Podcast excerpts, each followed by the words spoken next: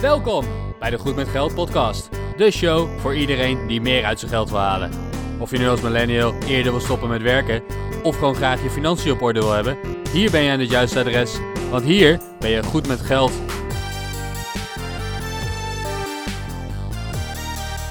Dit is de Goed met Geld podcast, aflevering 72. Ik ben Bas En ik ben Arjan. en wij zijn de co-hosts van vandaag en van eigenlijk alle andere afleveringen ook. Hè. Dus eh, ver in de toekomst kan je nog weer van onze stemmen op de radio genieten. Ja, Bas, want volgens mij kent iedereen ons ondertussen wel. Denk het ook. Ja, wij zijn gewoon Bas en Arjan van de Goed met Geld podcast. Ja, nou laten we het daar niet verder over gaan hebben. Waar gaan we het wel over hebben dan vandaag? Salaris. Oeh, salaris. Ik wou dat ik salaris kreeg. Ja, nou, n- nou moet je niet zielig gaan doen, Bas. Ik, ik, ik hoor af en toe, en, en tuurlijk, hè, met coronatijden is het wat minder, maar volgens mij verkoop je jezelf prima op de markt.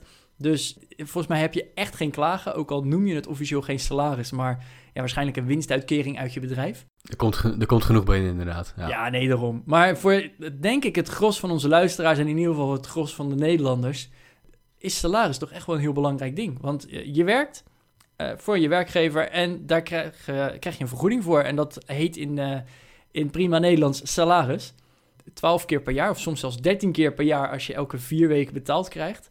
Woon je in Amerika, krijg je elke twee weken salaris uitbetaald. Ja, waarschijnlijk zijn Amerikanen gewoon eh, wat moeilijker om een hele maand op een eh, zak geld eh, ermee om te kunnen gaan en kunnen ze twee weken ermee uithouden. Ja, er zijn tegenwoordig steeds wat meer bedrijven in Amerika die ook maandelijks gaan betalen. Maar je hoort het heel veel inderdaad, dat, dat ze echt zo op zo'n eh, op zo'n tweewekelijkse betaling zitten. En die worden dus gewoon eh, 26 keer per jaar dat ze hun salaris krijgen. Best wel, best wel een bijzondere constructie. Tenminste voor ons hè. Misschien als jij je hele leven lang dat hebt gehad, vind je het heel raar dat je een maand op je geld moet wachten. Eh, Maar goed, salaris. En eh, salaris is heel belangrijk, want je moet ergens de rekeningen van kunnen betalen. Dus vandaag gaan wij gewoon eens in op nou, puur het geld en het salaris. Want ja, de, dat salarisstrookje, Bas. Ik weet niet of jij hè, bij jouw vorige werkgever wel eens goed naar je salarisstrook hebt gekeken. Maar bij mij is het altijd weer een puzzel. Wat staat er nou weer op? Daarbij is het ook nog eens, er staan zoveel verschillende eh, tabellen, grafieken, percentages en nummertjes. Dat dat ook nog wel eens een uitdaging is. En er wordt ook nog eens van alles ingehouden. Dus eh, ik, ik vind het wel eens goed om gewoon eens even over gewoon knaken te hebben die elke maand binnenkomen. En wat je, waar je allemaal rekening mee moet of kan houden. Ja, absoluut. Dat, eh, dat is zeker een goed idee. We zijn natuurlijk de Goed met Geld podcast. En goed met geld zijn betekent dat je, nou ja, wij roepen het wel eens vaker, dat je bewust met je geld omgaat. En dat je, als het goed is, een klein beetje minder uitgeeft dan dat je binnenkrijgt. Over dat uitgeven hebben we het vaker gehad. Over het eh, ontvangen van geld hebben we het ook wel eens gehad. Maar nog nooit zo in detail als nu. Dus ehm, nou, voor heel veel mensen, voor de meeste Nederlanders, is salaris eh, toch eigenlijk de manier hoe zij geld binnenkrijgen. En salaris is een hele simpele deal. Hè? Toen ik, eh, ik grapte wel eens met mijn eerste werkgever van... ja, weet je wat, we spreken gewoon af dat ik shit voor jullie ga doen en dat jullie mij geld geven. Nou, dat, eh, dat was de deal. Dus eh, op die manier eh, hadden we een hele mooie salarisonderhandeling. Uiteindelijk zijn we ergens op een bedrag uitgekomen. Maar voor veel mensen is dat gewoon de dagelijkse praktijk. Je doet de hele maand shit voor je werkgever en aan het eind van de maand betalen ze jouw salaris. En veel mensen zeggen van ja, ze betalen me een beetje te weinig. Ik vind dat ik meer verdien, maar ik krijg het niet. Maar goed, dat is de, de gein voor bij de koffieautomaat. We hebben het in Nederland best wel goed met z'n allen. Alleen, ja, Arjan, wat jij noemt, het is wel zo, hè? Die, die loonstrook.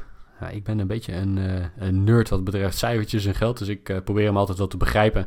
En nou ja, zeker als je voor het eerst bij een nieuwe werkgever komt, krijg je een nieuwe loonstrook. En dan kunnen er een hoop vreemde dingen op staan. Maar ik heb het nooit zo meegemaakt zoals wat jij zegt van elke maand, wat zal er nu weer op staan? Nee, dat was toch altijd best wel steady bij mij.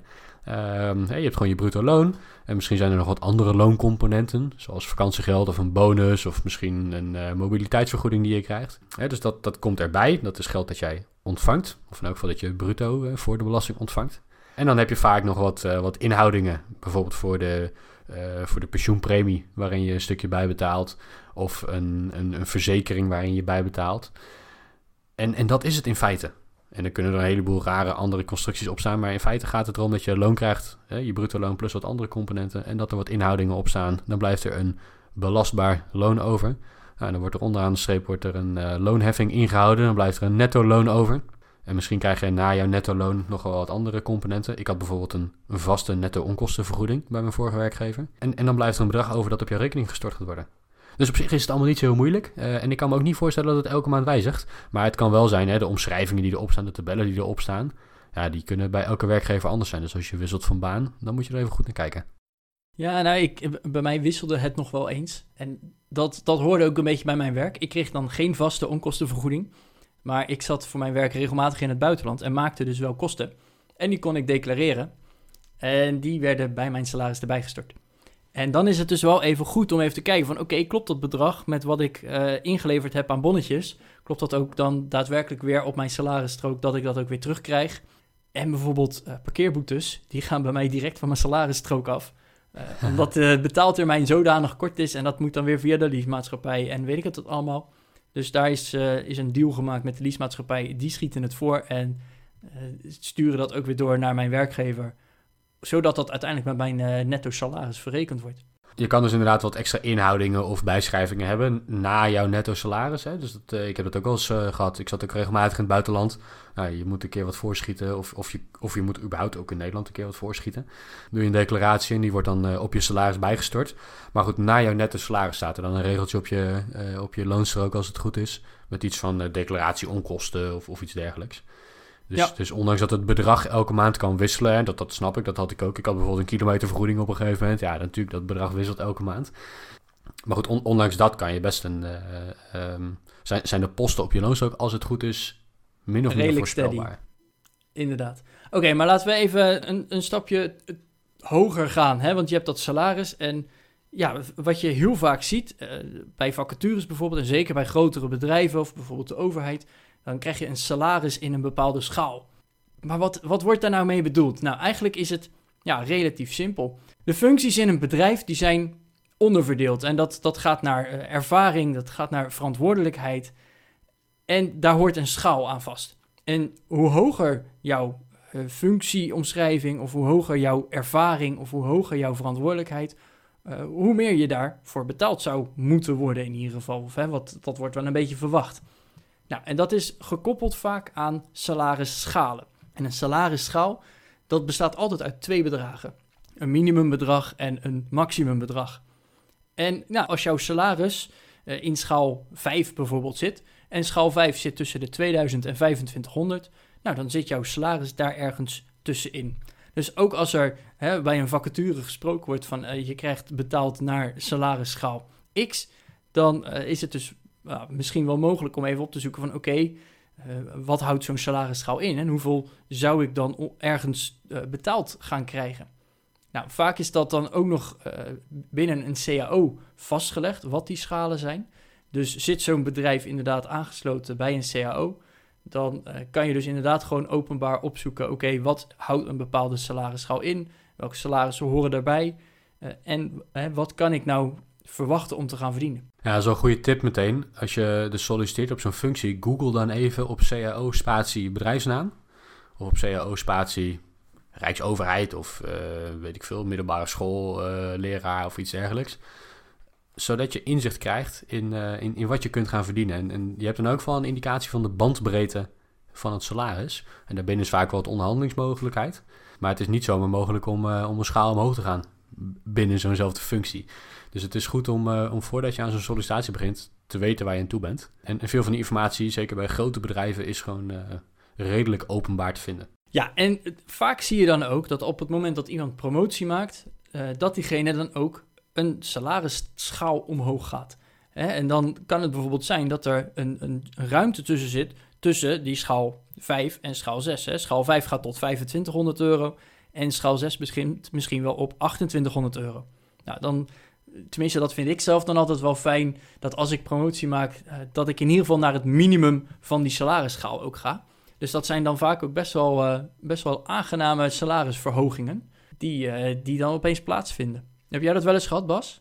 Nou, ik heb wel salarisverhoging gehad inderdaad, alleen ik heb nooit bij bedrijven gewerkt met, met vaste salarisschalen of functieschalen of dat soort dingen.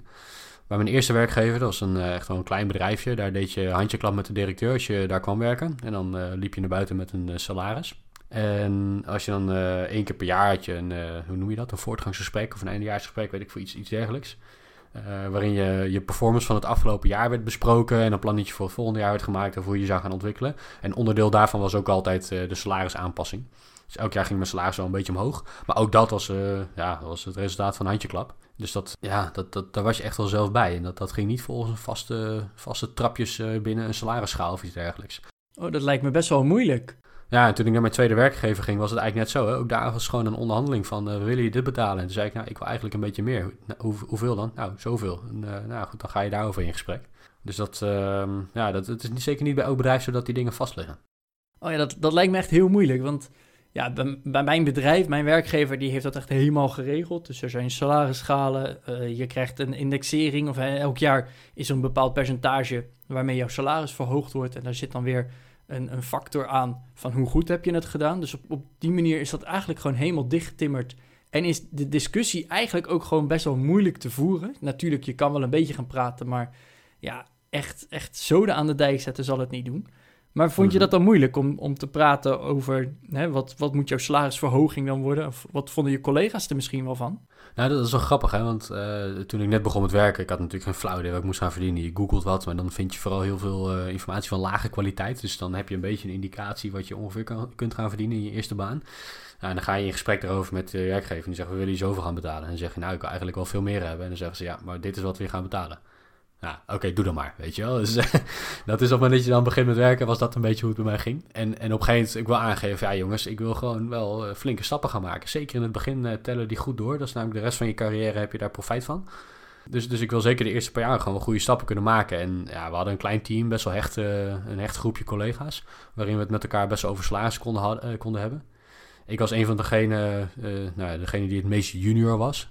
Dus de collega's om me heen, ja, ik wist van een aantal collega's wel wat ze verdienden. En die verdienden flink meer dan ik. Maar goed, die hadden ook veel meer ervaring. Alleen dat geeft wel een beetje aan hoe, uh, ja, hoe die loopbaan eruit kan zien. Op het gebied van salarisontwikkeling. Hè. Als je weet van, nou, ik uh, zit met één jaar op, uh, nou noem even wat. ik heb één jaar ervaring en ik verdien 2600 euro bruto. En mijn collega met vijf jaar ervaring verdient 4000 bruto. En een collega met 10 jaar ervaring die verdient 5000 bruto. Dan heb je voor jezelf een beetje een richting waarin dat salaris zich kan ontwikkelen. En weet je dan wat je volgend jaar aan salarisverhoging kan vragen? Nee, natuurlijk niet. Maar je kan je wel voorstellen als ze dan zeggen van... nou, je krijgt er 10 euro per maand bij... dat dat te weinig is om in die richting te komen. Ik zit me nou echt on the fly gewoon te bedenken... dat ik eigenlijk wel een keer onder, onderhandeld heb over mijn salaris. Vertel. Dat, dat, dat was uh, aan het einde van mijn uh, mbo-opleiding. Toen uh, zou ik de zomervakantie nog even, even door gaan werken. Bij mijn oude stage. En dat was een, een eenmanszaak. Maar die wilde mij graag nog twee maanden langer houden. Dus uh, nou, ik, ik was 19. Dus uh, nou, uh, hij, hij had het even met zijn accountant overlegd. En hij zegt van ja, jouw minimumloon is 4,50. Dus, maar goed, hè, ik wil je niet het minimum gaan betalen. Dus ik wil je 5,50 gaan betalen per uur. En dat was over de telefoon. En mijn eerste reactie was, oh. En dat was eigenlijk al meteen genoeg inzet voor de salarisonderhandeling. Om een beetje aan te geven dat ik het, het eigenlijk niet genoeg vond. Dus uh, nou, toen is hij toch uh, ook nog even naar zijn accountant gegaan en gekeken van oké, okay, ja, uh, wel een afgestudeerd mbo'er, dus oh shit, dat moet wel even wat meer zijn, want ergens anders kan hij veel meer verdienen. Dus uiteindelijk is het, ik geloof, naar 8,50 per uur gegaan of zo. Dus dat oh, was, een, verhoging, ja. was een forse verhoging. Maar goed, inderdaad, weet dus ook een beetje wat je waard bent, want ja, die 4,50 minimumloon, dat was sowieso niet genoeg. Want ik had wel gewoon een studie afgerond en dat was best wel wat specialistisch werk waar ook die studie voor nodig was. Dus uh, ik, uh, ik heb ook een keer onderhandeld over mijn salaris, maar dat was dan ook wel echt de enige keer. mijn, mijn mooiste salarisonderhandeling was toen ik van mijn eerste naar mijn tweede baan ging. Ik, ik werk inmiddels voor mezelf, maar mijn vorige baan. Ik geloof dat ik verdiende op een gegeven moment bij mijn eerste baan 2700 euro bruto. En ik ging dat jaar, had ik uitonderhandeld dat ik uh, vanaf januari naar 3000 ging. Dus ik maakte best een mooie stappen, iets van uh, 10% in de plus. Maar goed, je bent nog jong, je, ervaring wordt snel meer. En dan, uh, nou, dan mag je best wel wat, wat salarisverhoging krijgen. Zeker in mijn vakgebied is een flink tekort aan mensen. En er wordt goed betaald, het is best specialistisch werk ook. Ja, dus, dus de salarissen zijn gewoon goed en je onderhandelingspositie als medewerker is op dit moment ook gewoon, gewoon goed, omdat er zo'n groot tekort is. Dus ik had bij mijn eerste werkgever al best een mooie, mooie stap gemaakt. En toen kwam mijn tweede werkgever. Tenminste, toen kwam mijn tweede werkgever. Toen. Um... Dat was een partij die interesse in je had.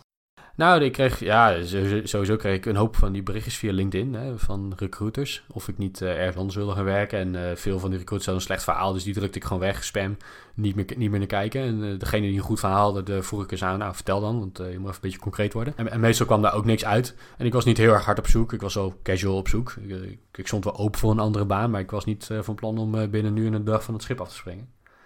Maar dat was een recruiter die... Uh, ik, ik, was bij een klant in het buitenland. En er was een recruiter die kwam in mijn uh, mailbox. En dat was een recruiter die gewoon bij dat bedrijf zelf werkte. Dus niet van een bureau. Nou, dan heb je bij mij sowieso een streepje voor. Want ik heb, ik heb het niet zo op die recruitmentbureaus. En, en die stuurde een berichtje met een mooi verhaal. Van, joh, we zijn op zoek naar mensen. Je past prima dat plaatje. Dus wil je daar niet eens over komen praten? Dus ik stuurde terug. Joh, je bent de tiende recruiter deze week in, uh, in mijn mailbox. Waarom zou ik met jou gaan praten? Nou, dan had hij netjes een berichtje teruggestuurd. Waarom ik dat moest doen. Toen dacht ik, oké, deze vent heeft wel een goed verhaal. Ik zeg, ik rij uh, morgen terug vanuit het buitenland in Nederland. Dus je hebt uh, vijf uur de tijd om mij te overtuigen. Laten we morgenavond even bellen. nou, zo, zo gezegd, zo gedaan. Ik heb uiteindelijk denk ik uh, een uurtje of zo met hem aan de telefoon gezeten. Van alles nog wat verteld over het bedrijf. We hadden een, een, nieuwe business unit opgericht en daar waren mensen voor nodig. En nou, de visie die erover was en zo. Ik denk, nou, dat is een goed verhaal.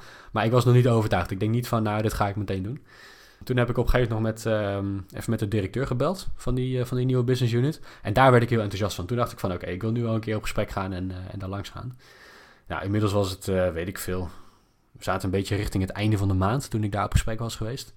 En ze zeiden van ja, we willen eigenlijk wel dat je, nou niet volgende maand dus, maar de maand erop al kunt starten. Met andere woorden, je moet echt nu je baan gaan opzeggen. Dan heb je een maand opzegtermijn en dan kan je meteen, meteen door. Dus ik had zoiets van ja jongens, als jullie dat zo graag willen, dan moet je ervoor betalen ook. Dus uh, doe mij vooral een goed aanbod waar ik geen nee tegen kan zeggen. En dan uh, stond ik er wel voor open, want ik was heel enthousiast over de baan. Dus, dus ik wilde die stap maken, maar ik denk van ja, weet je, dan zo'n commerciële rakker ben ik dan ook wel.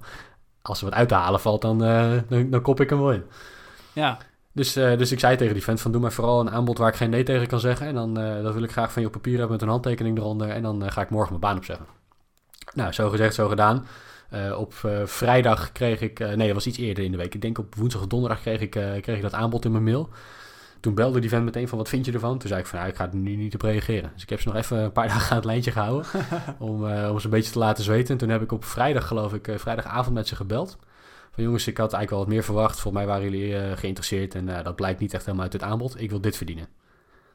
En toen was het even stil aan de andere kant van de lijn. En toen zei ik had was een gesprek met die recruiter. En die zei toen van, ja, als je, als je dit krijgt, ga je dan sowieso tekenen bij ons? Toen zei ik, ja, als ik dit krijg, ga ik sowieso tekenen bij ons. Toen zei die recruiter, nou, dan mag ik geen ja op zeggen, dat moet de directeur doen, die moet even aftekenen. Maar ik ga dat maandagochtend met hem bespreken en dan hoor je van ons. En ik geloof dat die dinsdag of zo was de uiterste datum waarop ik mijn eerste baan moest opzeggen, om nog Oh, wow. op tijd te kunnen, om nog op tijd te kunnen starten. Dus ik zeg tegen hem, nou, dan weet, dan weet jij waar je, uh, waar je het hele weekend over na moet gaan denken en hoe je dat uh, maandag moet gaan regelen. Ja, ja, ga ik regelen. Dus ik hang op. Het was uh, vrijdag uh, zes uur s avonds of zo. Einde van de middag, begin van de avond. En om vijf over zes word ik gebeld. De directeur is akkoord. Oké. Nou. dus, uh, ik, dus ik had maandag een getekend contract in mijn mailbox zitten. En toen hebben we het allemaal, allemaal geregeld. Maar dan, ja, dat, dat is wel meer een, een salarisonderhandeling. Hè. Enerzijds weten wat je waard bent. Daar ga je een beetje boven zitten. Want, nou ja, goed, alle signalen waren er. Ze willen heel graag hebben. Er is een enorm, tekort in de markt. En ze hebben gewoon mensen nodig om die nieuwe business unit van de grond te krijgen. Dus dan, dan is er best wat onderhandelingsruimte. En dat moet je wel weten. Hè. Niet in alle beroepen kan dat. En zeker als je inderdaad in salarisschade zit of met een CEO te maken hebt, dan is dat niet mogelijk. Als je in een beroep zit waarin er veel te veel mensen zijn, dan is dat ook niet mogelijk. Hè. Dan moet je blij zijn dat je een inkomen hebt. Maar als jij in een beroep zit uh, waar, waar een tekort is, en, en er zijn best wel wat beroepen in Nederland waar op dit moment een gigantisch tekort aan mensen is, dan heb je best een onderhandelingsruimte. In de IT zie je dat veel, in de, in de techniek, zeker in de wat hoogopgeleidere technische banen zie je dat heel erg. Dus, dus er zijn zat mogelijkheden om, uh, om over je salaris te kunnen onderhandelen. In mijn geval was het volledig buiten salarisschalen om. Hè, dus dan is het echt een beetje het wilde westen. Moet je het zelf regelen. Gewoon maar wat proberen inderdaad. Ja, je kan maar gewoon wat proberen. En kijk, ik, ik ging best wel wat boven hun offer zitten. Maar niet, uh, niet te dubbele of, uh, of de helft erbij of zo. Want dat is gewoon niet realistisch. En dat, dat, dat moet je natuurlijk wel een beetje inschatten. Van hoe hoog kan ik gaan zonder dat ze dit afschilderen als die vindt het onrealistisch. Uh, hij snapt niet waar hij het over heeft. Dat, dat, die indruk wil je natuurlijk niet maken. Maar goed, je mag best wel een keer ehm, ja, een beetje omhoog gaan uh, in zo'n in zo'n bot. En ik was ook best bereid geweest om, uh, om nog wat omlaag te onderhandelen. Ik denk van nou, ik stel, ik stel ze gewoon een vraag voor een bepaald bedrag. Waarschijnlijk gaan ze daar nee op zeggen en dan komen we ergens uh, in het midden uit. Dus dat is best. Dan had ik de baan genomen. Maar ze zeiden binnen vijf minuten, het is goed. Oh, wow. Ja, dat is prettig. Dan verdien, dan verdien je een leuk salaris, hè. Dat is, dat is natuurlijk wel fijn. Maar goed, die mogelijkheid heb je ook wel als er salarisschalen zijn. Niet altijd. Maar je kan ja, soms best wel onderhandelen over waar in welke trade binnen die schaal je dan binnenkomt. Ja, ik, ik vind dat inderdaad wel eens lastig. Ik, uh, ik ben ook best wel betrokken bij recruitmentprocessen bij ons in het bedrijf. Het is mijn eerste baan, dus ik heb nooit echt die onderhandelingen gedaan. Maar ik zie ook wel, en ik werk voor een wat groter bedrijf, dus dan is het allemaal wat logger en wat moeilijker. Dus ik, ik merk wel, wat, wat jij hebt gedaan, dat zou ik echt niet kunnen. En dat, dat kan ik niet als werknemer zijn, maar dat kan ik ook niet als sollicitant zijn bij dat uh, bewuste bedrijf. Dus dat vind ik dan wel eens lastig. Van oké, wat ja, het, klinkt allemaal super tof. En, en, en echt waar, ik, ik gun het je van harte dat het inderdaad op dat moment zo gelukt is. Maar ik weet niet of al onze luisteraars daar ook daadwerkelijk wat mee kunnen of wat aan hebben. Maar er is meer waar je over kan onderhandelen. En eh, dat, dat vergeten mensen wel eens. Van ja, de, tuurlijk, salaris, dat is uh, zo'n primaire arbeidsvoorwaarde, dat, dat moet er gewoon zijn. En daar kan je over onderhandelen hoe hoog dat is. Maar er zijn wel meer onderhandelingen mogelijk rondom je salaris. Hè? Denk bijvoorbeeld aan een bijdrage voor het pensioen. Hoe wordt dat in dat bedrijf gedaan? Hè? Draagt de, de, de baas keurig netjes elke maand uh, wat af? Of moet je dat helemaal zelf gaan regelen? Uh, hoe zit het met een auto van de zaak? Moet je nog een eigen bijdrage voor je auto bijvoorbeeld gaan doen? Dat heeft ook weer invloed op, op de belasting die je uiteindelijk gaat moeten betalen over die uh, auto van de zaak. Nou, al dat soort zaken hebben ook zeker wel uh, invloed op, op de onderhandeling. Hé, hey, maar Bas, we hadden het over salaris, dus laten we niet te veel over het salarisonderhandelingen verder ingaan. Ik wil het namelijk nog even hebben over vakantiegeld. Bring it on. Ja, vakantiegeld is de eeuwige discussie. En oh, ik, eh, soms word ik er een beetje moe van. Dus for uh, once and for all, we gaan het proberen uit te leggen. Het is een lastige constructie. Dus uh, we gaan ons extreemste best doen. Kijk uh, voor een, een, verdere uitwerking. En sorry Bas, ik weet dat jij de show notes gaat schrijven. Maar kijk voor een verdere uitwerking ervan in de show notes van vandaag. Op www.goedmetgeldpodcast.nl slash 072. Je wordt bedankt. Uh, ja, graag gedaan. ik doe het graag voor jullie, lieve luisteraars. Ja, nee, onze luisteraars zijn wat dat betreft heilig. Maar goed, vakantiegeld. Vakantiegeld is eigenlijk rete simpel over jouw bruto salaris. En dat uh, gaat in principe over je maandsalaris, maar uiteindelijk over je, je gehele jaarsalaris. Jouw vakantiegeld is 8% van jouw bruto salaris. En dat is eigenlijk gewoon een spaarpot die jouw baas voor jou aanhoudt. Ik heb wel eens een blog geschreven van eigenlijk is vakantiegeld een, een, een spaarpot omdat we zelf te dom zijn om te sparen. Uh, dat was vroeger misschien ook wel iets meer zo dan tegenwoordig, maar goed. Uh, ja, vakantiegeld, 8% en dat wordt uh, rond mei uitbetaald. Vaak in de, in de meimaand zit dat bij je salaris inbegrepen. En dan krijg je te horen van ja, maar vakantiegeld is net als bij overuren. Daar betaal je veel te veel belasting over. Dat is niet waar. ja, ik ben heel blij voor dit geluidseffect, want technisch gezien is dat namelijk helemaal niet zo. En ik hoop dat we in de komende 10 minuten gewoon echt concreet uit kunnen leggen, Bas, waarom het nou niet zo is. Want oh, ik, ik, ik vind het zo moeilijk om die discussie dan wel te winnen, want ik weet dat ik gelijk heb, maar het is zo'n lastig en technisch verhaal. Ik, uh, ja, ik, ik, trap hem heel even af. Dan ga ik een kleine introductie geven en dan mag jij vertellen waarom je gelijk hebt. Is dat een, is dat een goede? Juist. Dat, uh, dat is altijd leuk, hè? Ja, dan ja, uh, leg ik even een fundament voor je en zo en dan, dan komt het helemaal goed. Oké, je krijgt salaris van jouw werkgever. Dat salaris, dat kan, uh, weet ik veel, 2500 euro per maand zijn. Maar uiteindelijk ga jij niet belasting betalen over dat maandelijkse salaris wat je krijgt. Nee, je betaalt belasting aan het eind van het jaar. Ja, dat is even heel belangrijk om in je achterhoofd te houden. Je betaalt salaris aan het eind van het jaar, nadat het jaar is afgelopen. Wat gebeurt er? Al het geld dat jij dat jaar hebt verdiend, en dat is jouw bruto salaris, dat is jouw vakantiegeld, eventuele overuren, bonussen, en, en allerlei factoren die erbij komen. Hè? De bijtelling als je een auto van de zaak hebt. De hypotheekrente aftrek als jij een hypotheek hebt waar je de rentekosten van mag aftrekken. Alles bij elkaar op de grote hoop. Er komt één groot bedrag uit. Dat is eigenlijk het bedrag dat jij het verdient in dat jaar en waar je belasting over moet betalen. Dat bedrag kan 20.000 zijn, 30.000, 100.000, het maakt niet zoveel uit. Aan het eind van het jaar is er een bedrag waar je belasting over moet betalen. Wat doet de Belastingdienst? Die pakken dat bedrag en die gaan kijken, oké, in welke belastingschijf val jij ongeveer. We hebben een aantal belastingschijven in Nederland. 36% geloof ik, of 38% iets in die richting. En, en 49,5% tegenwoordig, als je, als je wat meer verdient. En dan wordt een, een, een deel van jouw salaris wordt in je eerste schaal ingedeeld. Daar betaal je een bepaald percentage belasting over. Een ander deel wordt in een hogere schijf ingedeeld. Betaal je een hoger percentage belasting over. En op die manier komt er uitrollen wat je aan belasting hebt moeten betalen over het afgelopen jaar. Maar hebben we met z'n allen besloten, we vinden het een beetje oneerlijk dat je vanaf de eerste euro al meteen belasting moet gaan betalen. Dus er zijn uh, kortingen op de belasting geïntroduceerd. Zonder al te veel in detail te treden, zijn er kortingen op de belasting. En die kortingen die zijn onder andere afhankelijk van hoeveel je verdient. Als je weinig verdient, krijg je superveel korting. De eerste paar duizend euro die je per jaar verdient zijn gratis, hoef je geen belasting over te betalen. Dus ondanks dat je dan wel dat percentage moet afdragen uh, van, uh, van je salaris, krijg je zoveel korting dat, dat je belasting uiteindelijk 0 euro is. Nou, je gaat langzaamaan wat meer verdienen. De korting wordt wat minder, waardoor je uiteindelijk op dat belastingpercentage, dat inkomstenbelastingpercentage uitkomt. Nou, dan hebben we het over de, uh, dat zijn geloof ik de algemene heffingskorting en de arbeidskorting, als ik het goed zeg uit mijn hoofd. Arjan, correct me if I'm wrong. Ja. Um, dat, dat zijn twee verschillende kortingen die je krijgt op de belasting die je moet betalen. En uiteindelijk komt er een bedrag onderaan de streep uit van je moet zoveel belasting betalen. En that's it. Dat is alle belasting die je betaalt. En dat maakt niet uit of dat inkomen komt uit je hebt zelf gewerkt voor een salaris, je hebt een bonus gekregen, je hebt overuren uitbetaald gekregen. Dat maakt allemaal niks uit. Ik wilde een lelijker woord gebruiken, maar het maakt niks uit. Je betaalt gewoon dat bedrag. Wat er echter gebeurt, we vinden met z'n allen dat we een beetje slim moeten doen. Dat we gewoon elke maand alvast een stukje van die belasting vooruit moeten betalen. Want anders dan moet je aan het eind van het jaar in één keer heel veel geld gaan uh, zitten overmaken. Nou, dat is vervelend, moet je voor sparen, dat is moeilijk. Dus elke maand wordt er al een deel van je salaris ingehouden voor de loonheffing. Voor de, voor de belasting die je uiteindelijk moet gaan betalen.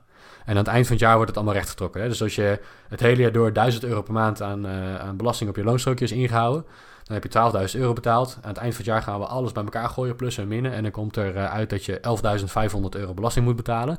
Je hebt al vooruit betaald 12.000, dus je krijgt terug 500. Dat is een beetje hoe ons belastingstelsel in het kort werkt. Het maakt dus niks uit waar je geld vandaan komt. Of dat nou uit loon komt, of dat het de bijtelling van een leaseauto is, of dat daar korting op zit voor je, omdat je hypotheekrente aftrek hebt. Dat geld gaat allemaal op de grote hoop en daaroverheen moet je belasting betalen. Het bedrag dat je elke maand betaalt, is daar een voorschot op. En dat is even belangrijk, want Arjen gaat het daar nu even over hebben. Ja, want dat voorschot, dat houdt ook rekening met die kortingen die je krijgt. Dus de algemene heffingskorting en de arbeidskorting. Zo simpel is het eigenlijk. Eh, maar wat ze eigenlijk doen, en dat doen ze een beetje dom, zoals eh, Maxima dat ook uh, kan vertellen, een beetje dom. Ze berekenen dat over het bruto salaris wat jij die maand krijgt.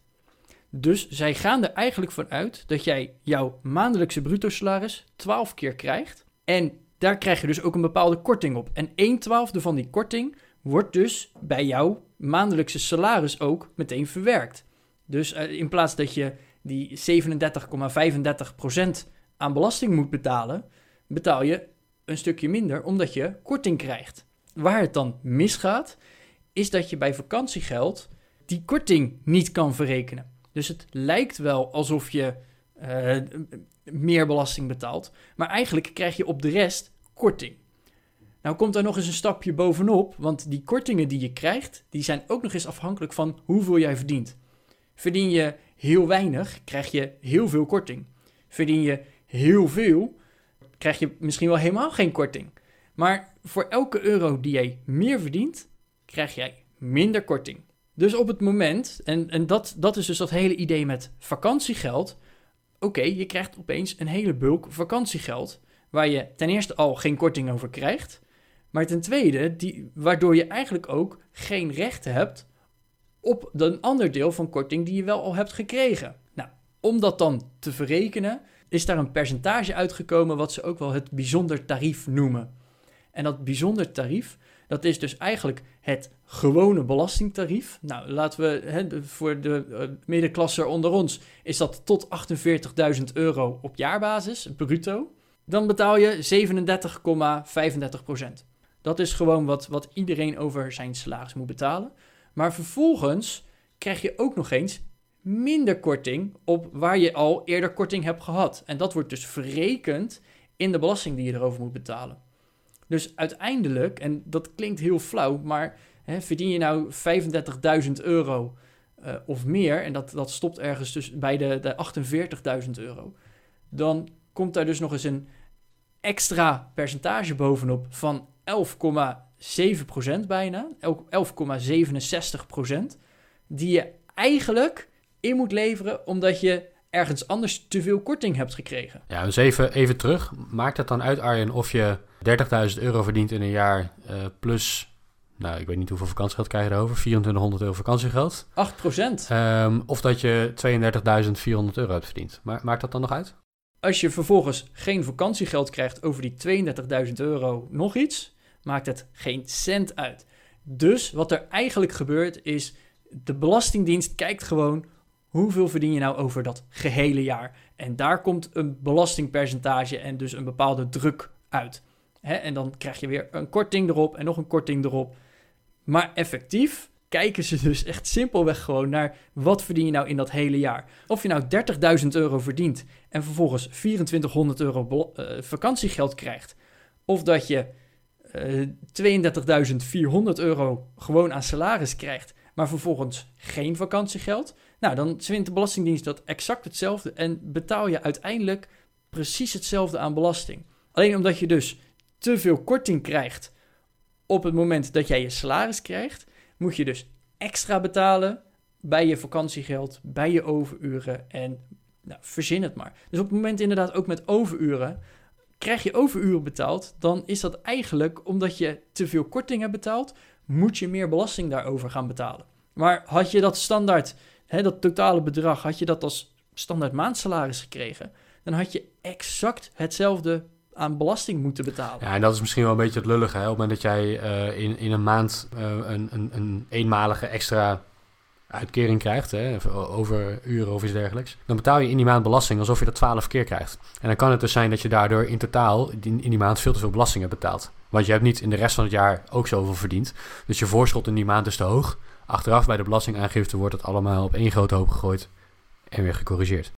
Ja, en daarom is het dus ook zo belangrijk dat je inderdaad elk jaar even je belastingaangifte doet. Voor heel veel mensen onder ons is het super simpel, kan het zelfs via de app geloof ik tegenwoordig. Uh, controleer die bedragen. klopt het hoeveel belasting ik uh, betaal tot nu toe? Klopt het hoeveel salaris ik heb gehad? Uh, heb ik nog andere inkomsten, uitgaven die als bijzonder worden beschouwd door de Belastingdienst? Doe dat, want pas op dat moment wordt er ook daadwerkelijk een, een, een, streep onderaan die hele som gezet en wordt het inderdaad ook verrekend. Heb je te veel belasting betaald? Nou, dan is het heel simpel, dan krijg je het gewoon terug. Heb je te weinig belasting betaald? Ja, sorry, maar dan moet je het gewoon even bijbetalen, want zo werkt het systeem nou gewoon. Maar het maakt dus eigenlijk gewoon helemaal niks uit. Voor je gevoel betaal je inderdaad dus heel veel belasting, maar als je dat verdeeld over het hele jaar had gekregen, dan had je exact op de cent nauwkeurig net zoveel belasting betaalt. En hè, dat, dat verschil is echt heel groot, vergis je niet. Uh, als ik even naar mijn eigen uh, belastingpercentages ga kijken. Nou, het standaardpercentage is 37,35 procent. Dus dat, hè, nou, een, een goede derde betaal ik aan belasting over mijn inkomsten. Maar kijk ik naar dat gecorrigeerde tarief, omdat ik dan te veel korting heb gekregen, betaal ik 49,02 procent. Dus in plaats een goede derde is het opeens bijna de helft. Simpelweg omdat ik op andere punten dan te veel korting heb gekregen, wat daarin dus ook weer verrekend wordt. 12 minuten, Bas. Is het uh, duidelijk geworden? Nou, ik hoop dat we nu voor eens en voor altijd deze discussie de wereld uit hebben geholpen. In elk geval voor onze luisteraars, die moeten nu toch echt wel begrijpen dat het niks uitmaakt. En ja, je gaat meer belasting betalen, maar dat komt omdat je meer verdient. Betaal je te veel in een bepaalde maand omdat je eenmalig heel veel hebt verdiend, dan wordt het aan het eind van het jaar gewoon weer rechtgetrokken. Goed, die loonstrook. Er staat dus uh, niet alleen een bruto salaris op en een netto salaris. het verschil daartussen is je, je loonheffing vaak. Er kunnen nog wat meer inhoudingen en, en extra toelagen in zitten. Laten we daar niet al te veel tijd aan gaan besteden, maar heel kort even doorheen gaan. Wat heel veel mensen zien uh, als inhouding boven de streep, hè, dus voor de belasting, is een uh, pensioenpremie. Als jij meebetaalt aan jouw pensioen, het kan zijn dat je werkgever volledig jouw pensioenpremie uh, betaalt, maar als je als werknemer meebetaalt aan jouw pensioenpremie, dan betaal je die zogezegd bruto. Dus stel dat jij 2000 euro per maand verdient en je hebt 50 euro bijgedragen aan jouw pensioen in die maand, dan is jouw belastbare inkomen in die maand 1950 euro. Je hoeft over die 50 euro geen belasting te betalen. Gunstige regeling, toch?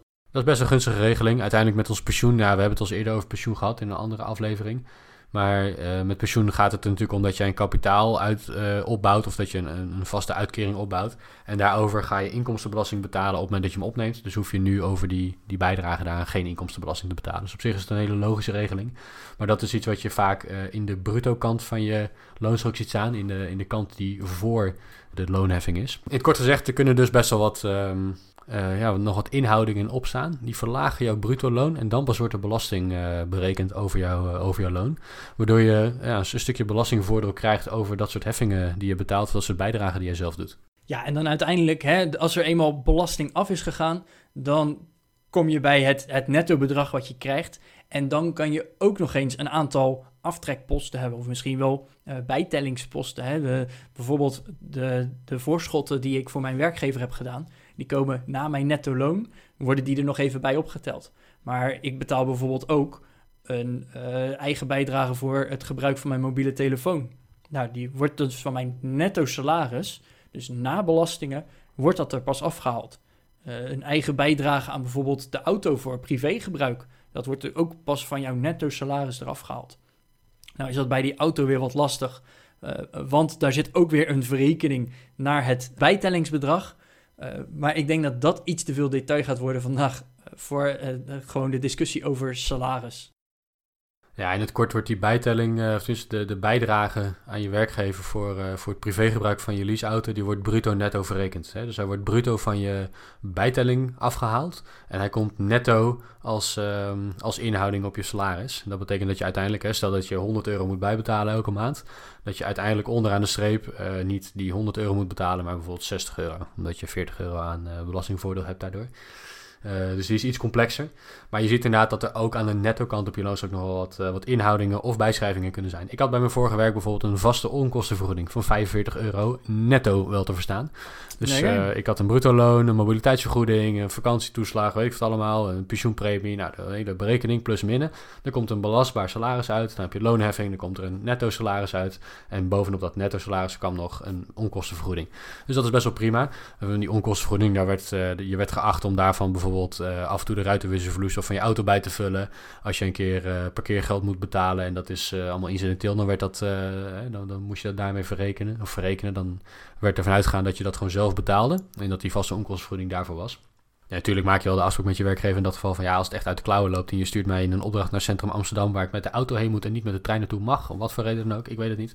En ik heb duizend miljoen euro aan parkeerkosten, ja, dan ga ik die natuurlijk niet van mijn uh, onkostenvergoeding van een paar tientjes zitten betalen. Ik wou zeggen, weet je, weet je wat, wat Zuidas parkeren kost? Ja, ik denk dat een dagje meer kost dan mijn maandelijkse onkostenvergoeding. dat weet ik wel zeker. Ik, ik, ik weet toevallig dat dat uh, 80 euro per dag is. Oh, ja, nee, dan gaan we het zeker niet meer redden. Uh, als, je, als je echt in, in de parkeergarage daar gaat staan. Maar goed. Ja, nou ja, goed, maar dat, dat, dat zijn allemaal dingen die er nog op je, op je salaris bij kunnen komen. Hè. Ik, had, uh, ik had 45 euro netto onkostenvergoeding en, dan, en die hele kleine kosten werden geacht dat je die dan niet ging declareren, maar dat dat, die, dat je die gewoon zelf betaalde daarvan. En dat scheelt natuurlijk een heleboel administratie. Uiteindelijk is dat een beetje het idee. Van nou, die consultants die langs de weg zitten en verkopers die langs de weg zitten, die hebben allemaal wel eens dat soort kosten.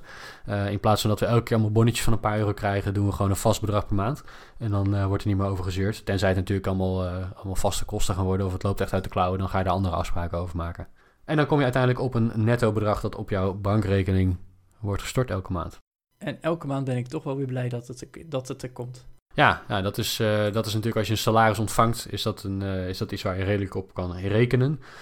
Soms wordt het uh, een keer een paar dagen later gestort, omdat je net over het weekend heen wordt gedeeld of nou, wat dan ook. Maar het is een, een vastigheid waar je in ieder geval rond dezelfde datum elke maand op kan rekenen. En of dat dan op de 20ste van de maand is of op de 25ste, dat, dat hangt een beetje van het bedrijf of van de organisatie af.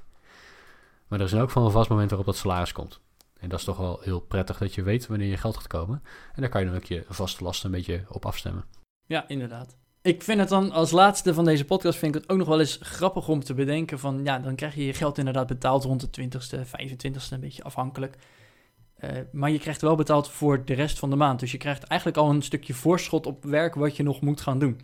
Dus dat, uh, dat vind ik eigenlijk altijd wel grappig dat je gelukkig redelijk één op één betaald wordt met hè, de hoeveelheid arbeid die er al in zit en die er nog moet komen. En nou, ik, ik, ik, weet toevallig, Bas, dat als jij dat gaat proberen, hè, dat je alvast een factuur gaat sturen voor werk dat je nog moet gaan doen, dat je daar of hele goede afspraken over moet gaan maken en een goede administratie over bij moet gaan houden, of dat ze je toch ergens uh, op fraude of iets gaan uh, verdenken. Dus ik, uh, ik vind dat eigenlijk altijd wel een, een leuke gedachte. Dat is wel een leuk, is een leuk verhaal. Kijk, ik krijg geen salaris, maar ik betaal mezelf vanuit mijn bedrijf elke maand een, een salaris. Je mag het geen salaris noemen, maar ik zie dat natuurlijk gewoon alsof ik mezelf gewoon elke maand een vast bedrag betaal. En, en dat geld dat moet ergens vandaan komen. Dus in mijn bedrijf komt dat geld uit, uit de betalingen die ik van mijn klanten krijg. En die betalingen die hebben te maken met facturen die ik in het verleden heb gestuurd. En die facturen die hebben te maken met werk dat daarvoor is gebeurd. Hè. Dus er zit dan meer vertraging tussen wanneer je werkt en wanneer je betaald wordt. Maar ik heb één klant die vooruit betaalt. Ik heb daarmee een oh. afspraak gemaakt. Uh, ja, dat is uh, zo heel grappig. Dat is een klant die ik uh, echt op ad hoc basis af en toe een paar uurtjes adviseer. Ik doe daar geen, geen langlopend implementatiewerk waarbij ik echt heel veel dagen werk heb. Maar dat is een paar uurtjes per week bel ik met ze. Dan ben ik hun sparringspartner op het gebied van, van datastrategie. En, en we hebben met elkaar afgesproken om gewoon aan beide kanten de administratie en de factuurtjes van een paar honderd euro elke keer te voorkomen. Dat ze een strippenkaart kopen. Net zoals dat je vroeger voor de bus een strippenkaart kocht. Voor, voor tien ritjes hebben zij bij mij een strippenkaart gekocht. Dus ik heb een, uh, een x aantal uur heb ik vooruit gefactureerd. Dat geld staat bij mij op de bankrekening. En elke week stuur ik een overzichtje van er zijn nu nog zoveel uren over. Hè? Deze week zoveel oh, uur gebruikt en dit is wat er nog over is op de strippenkaart. Dus dat is aan de ene kant is het natuurlijk voor mij heel prettig. Er wordt vooruit betaald en ik heb geen risico dat er een keer een rekening niet betaald wordt. Want ja, ze hebben hem al betaald. Dus al het werk wat ik ga doen, dat is hoe dan ook betaald. Dat is natuurlijk een fijne garantie voor mij. Maar aan de andere kant voor dit bedrijf, ja, voor mij was het een redelijke som geld. Voor dit bedrijf uh, peanuts. Um, dus ik kan me voorstellen dat, dat ze liever één zo'n factuur krijgen en, en die moeten verwerken en betalen. Dan dat het elke paar weken uh, van die hele kleine factuurtjes zijn.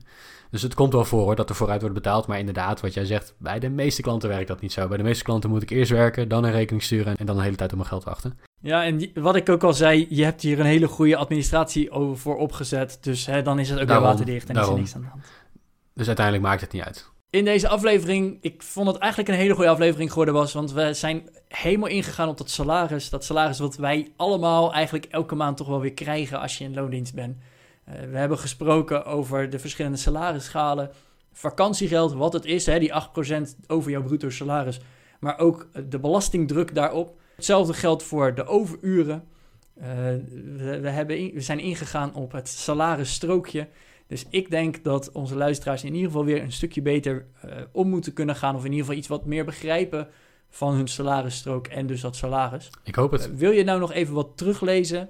Of even kijken van, hey, hoe zit dat nou precies? We zullen wat linkjes ook opnemen in de show notes. Zoals eerder al gezegd, www.goedmetgeldpodcast.nl slash 072. Vond je deze aflevering leuk? Uh, schroom dan ook vooral niet om ons te volgen via de verschillende podcastproviders. Want zo geef je ook weer aan dat uh, jij deze show leuk vindt en dat uh, andere luisteraars eigenlijk geadviseerd moeten worden om ook eens naar de Goed met Geld podcast te luisteren. Wil je graag nog even reageren, dan kan dat ook onder de show notes, maar je kan natuurlijk ook altijd even een mailtje sturen naar gmg@goedmetgeldpodcast.nl.